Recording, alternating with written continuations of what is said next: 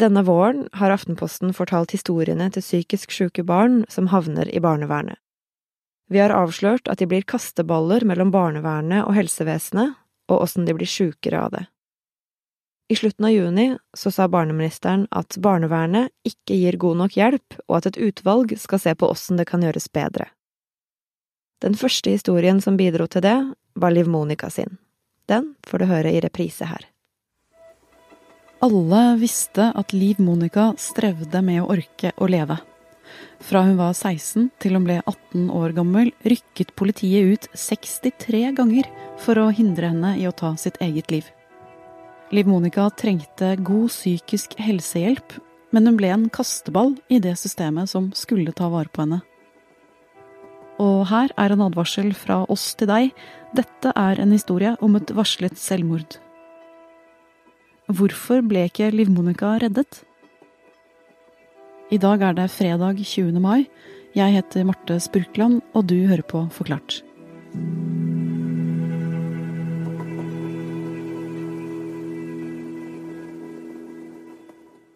Liv Monica vokste jo opp med en mor og en far og to store søstre og en storebror.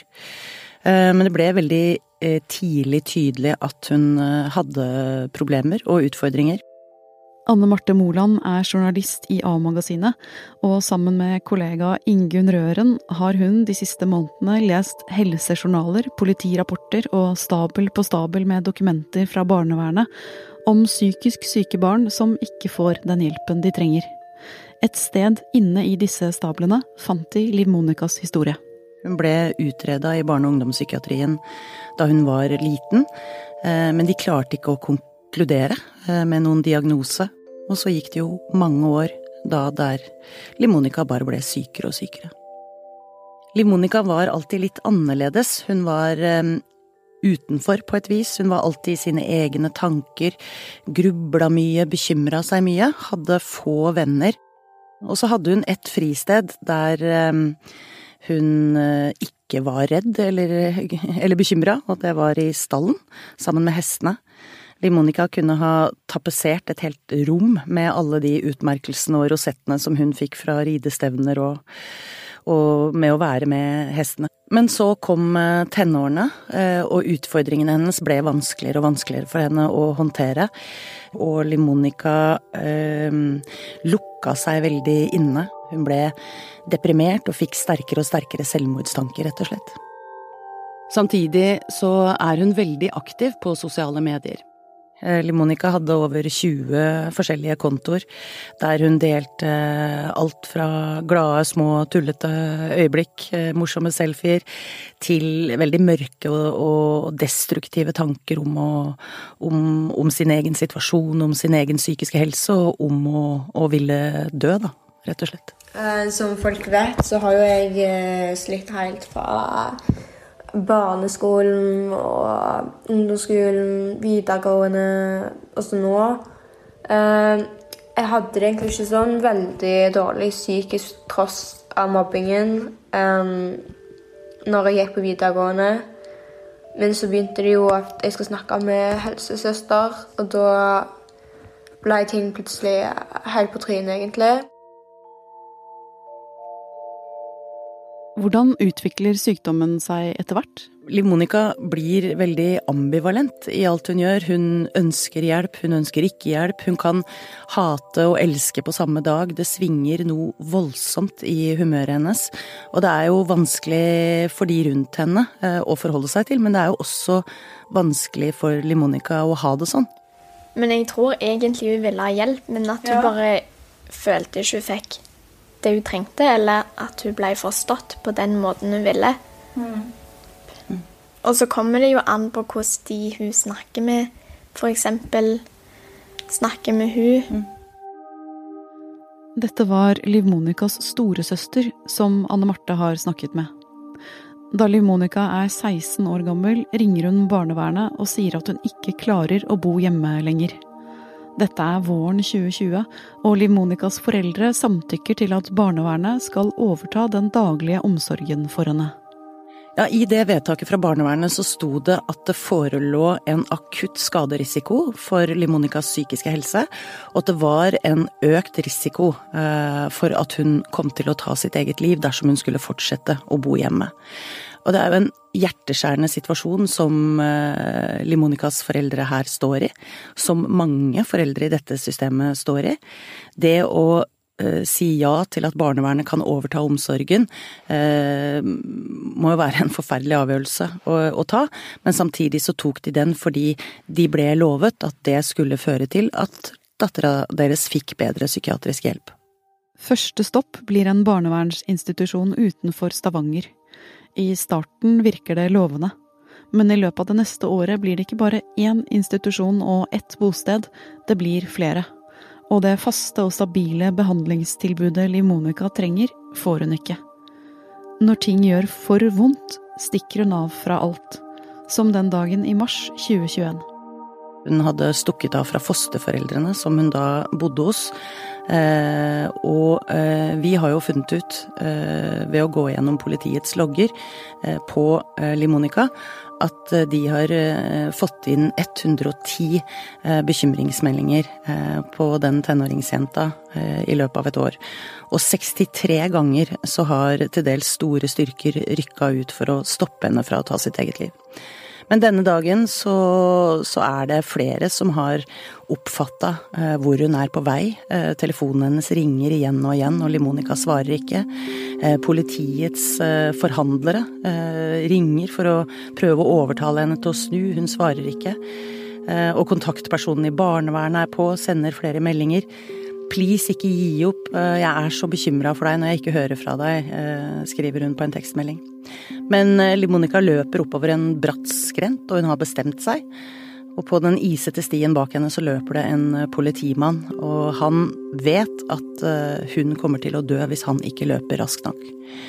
Og det sirkler et redningshelikopter i lufta over dem, det er storm, det er iskaldt. Og så, i siste liten, så klarer altså politimannen å kaste seg over Limonica, men fordi hun bare er et barn, hun er en vever, spinkel skikkelse, så prøver han å gjøre det mer som en klem. Jeg står egentlig bare og holder rundt og bare sier og stryker på ryggen og sier 'nå er du trygg', jeg skal hjelpe deg. Du må være forsiktig. altså Egentlig vise mest mulig omsorg og prøve å ivareta henne så best mulig. Det er jo tydelig at de ikke får den hjelpa som hun kanskje burde hatt det, hø det, høres jo ut, og det føles ut som at det mangler et organ eller et tiltak eller noe midler eller noe, noe regelverk som gjør at man faktisk kan hjelpe disse personene. Og Liv Monica er jo dessverre ikke den eneste, og hun blir heller ikke den siste. Og dette er viktig. Liv Monicas historie er ikke unik. Det er mange barn og tenåringer som havner i samme situasjon. 20 ganger hvert døgn rykker norsk politi ut til psykisk syke barn som er fanget opp av barnevernet. For selv om barn har rett på nødvendig helsehjelp, får de ikke alltid den psykiske helsehjelpen de trenger.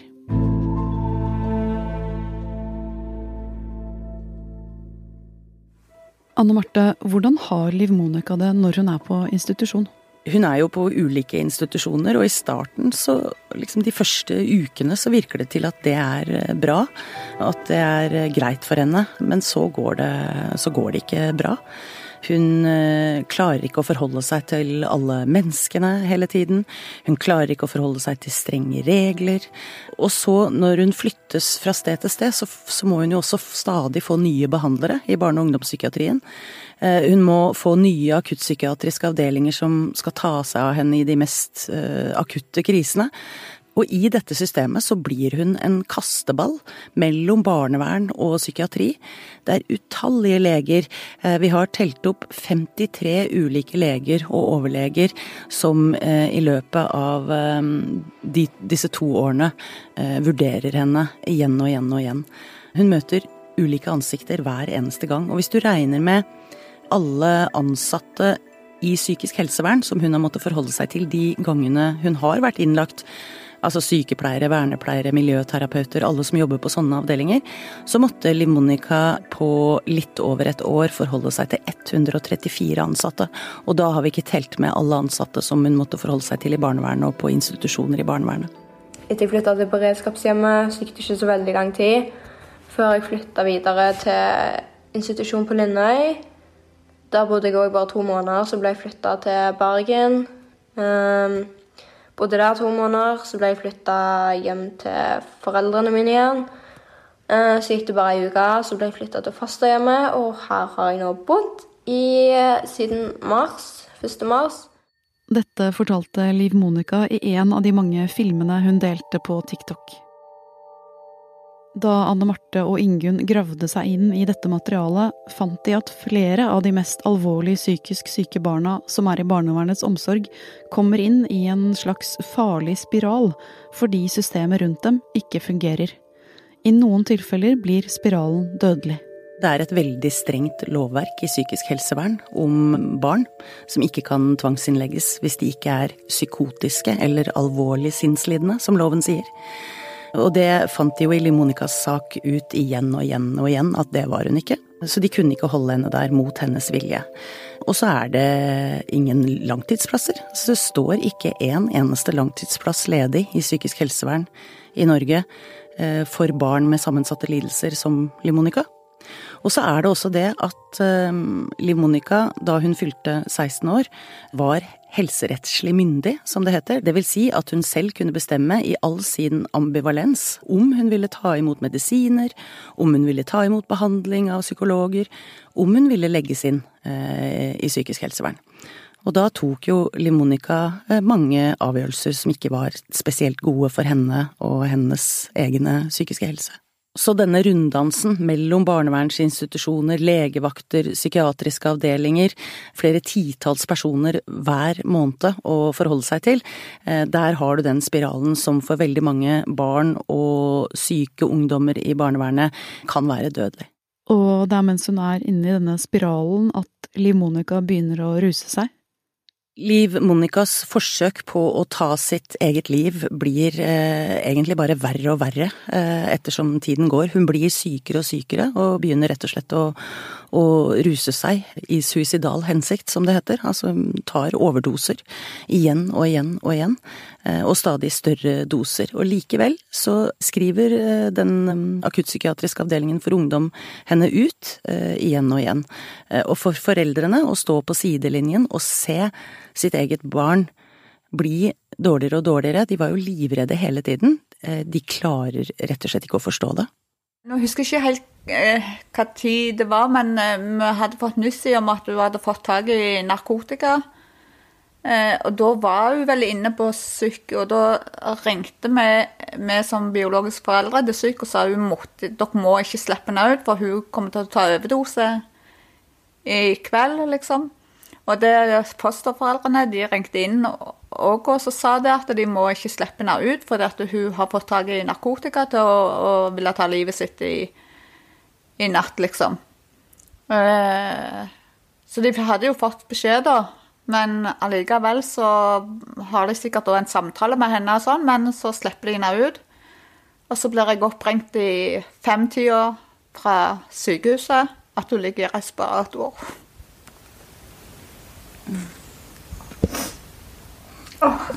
Det går bra.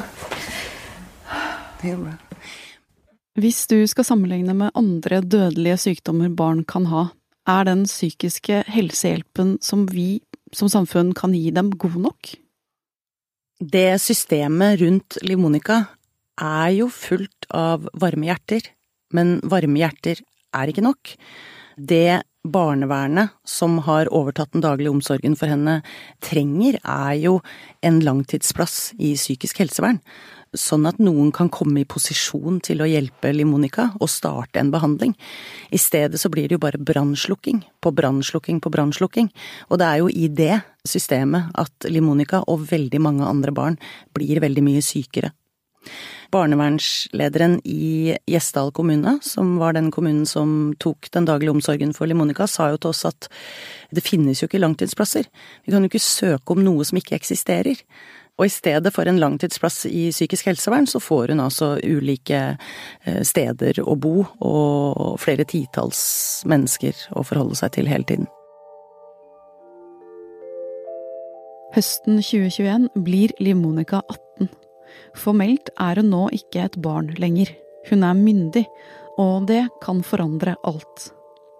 Tre dager før 18-årsdagen sin er Liv Monica i Sør-Rogaland tingrett og forteller at hun ikke vil være tvangsplassert i barnevernet lenger. Hun har vært hos frisøren, hun har pyntet seg, og hun har ikke lenger hetta dratt ned over hodet. Hun prøver å vise at hun er i stand til å bo alene. Og så er det opp til retten hva som skal skje med henne.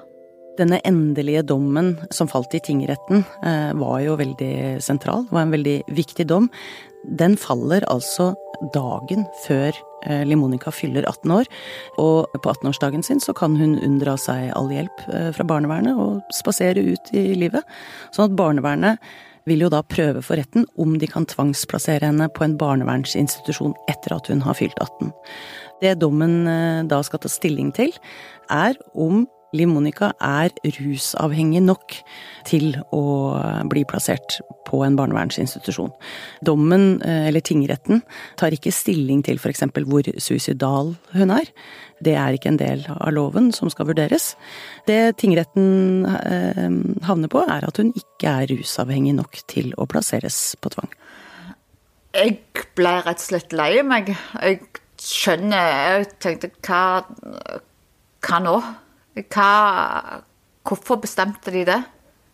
Hva var det som gjorde egentlig at de bestemte det? Eller tenkte du da at hun kom til å dø? Ja. Det tenkte jeg. Jeg har òg tenkt Eller jeg har tenkt det ganske lenge, egentlig, at en ja. dag så kommer det til å gå galt. Fordi at det, systemet funker jo ikke, og hun går jo ut på de samme tingene hele tida, hver dag, hver uke. Og mm jeg føler ikke det blir tatt så sykt alvorlig, og at det ble gjort noe med. Og når hun fikk svar i retten, så tenkte jeg jo iallfall at nå kommer det til å gå galt, fordi at hun klarer ikke å passe på seg sjøl. Hun er ikke i stand til å ta vare på seg sjøl og vet ikke sitt eget beste. Hvordan går det med Liv Monica etter dette her? Etter dette så feirer Limonica bursdagen sin på kafé med mamma og en av søstrene. Og så reiser hun hjem eh, for å pynte seg. Hun sier at hun skal ut med noen venner den kvelden. Men det skjer aldri. I stedet, tidlig neste morgen, så setter Limonica Skjervik seg i stedet på en buss til Østlandet. Og klokka 21.29 den samme kvelden så ringer Limonica selv til AMK fra en togstasjon i Sarpsborg. Og kanskje håpet hun at hun kom til å overleve denne gangen også, at det er derfor hun ringer. Ambulanse og politi rykker ut og får jenta til sykehus, og den eh, samme natta så ringer eh, telefonen hjemme hos mammaen og pappaen til Liv Monica. Og det er en overlege i den andre enden som spør mammaen er du Liv Monicas mamma, jeg har en trist beskjed. Og mammaen får ikke med seg detaljene i det overlegen forteller men hun får vite at Limonicas hjerte har slutta å slå, og at datteren er død.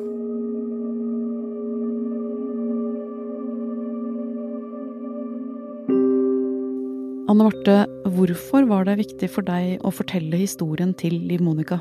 Vi har i eh, løpet av eh, denne granskningen vår av veldig syke barn i barnevernet funnet ut at eh, minst fem barn som Liv Monica døde under barnevernets omsorg i løpet av 2020 og 2021.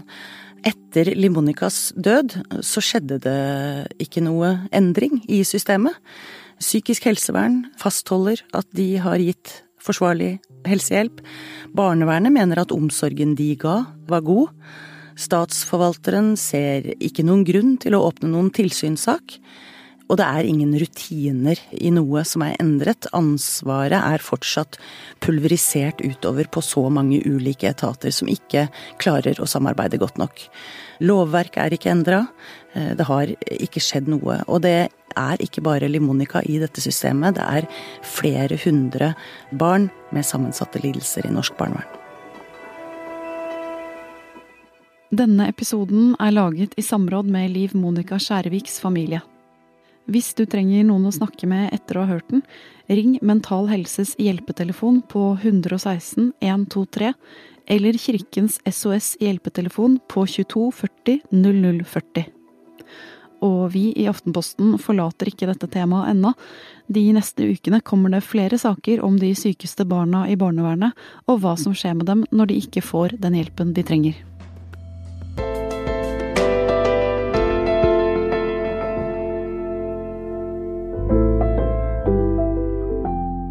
Det var Anne Marte Moland som fortalte om Liv Monica. Du har hørt lyd fra hennes og Ingunn Rørens opptak av Liv Monicas familie, og med en politimann som rykket ut for å redde henne. Denne episoden er laget av produsent Fride Næss Nonstad og meg, Marte Sprukland. Resten av Forklart er Synne Søhol, David Vekoni, Anne Lindholm og Anders Weberg.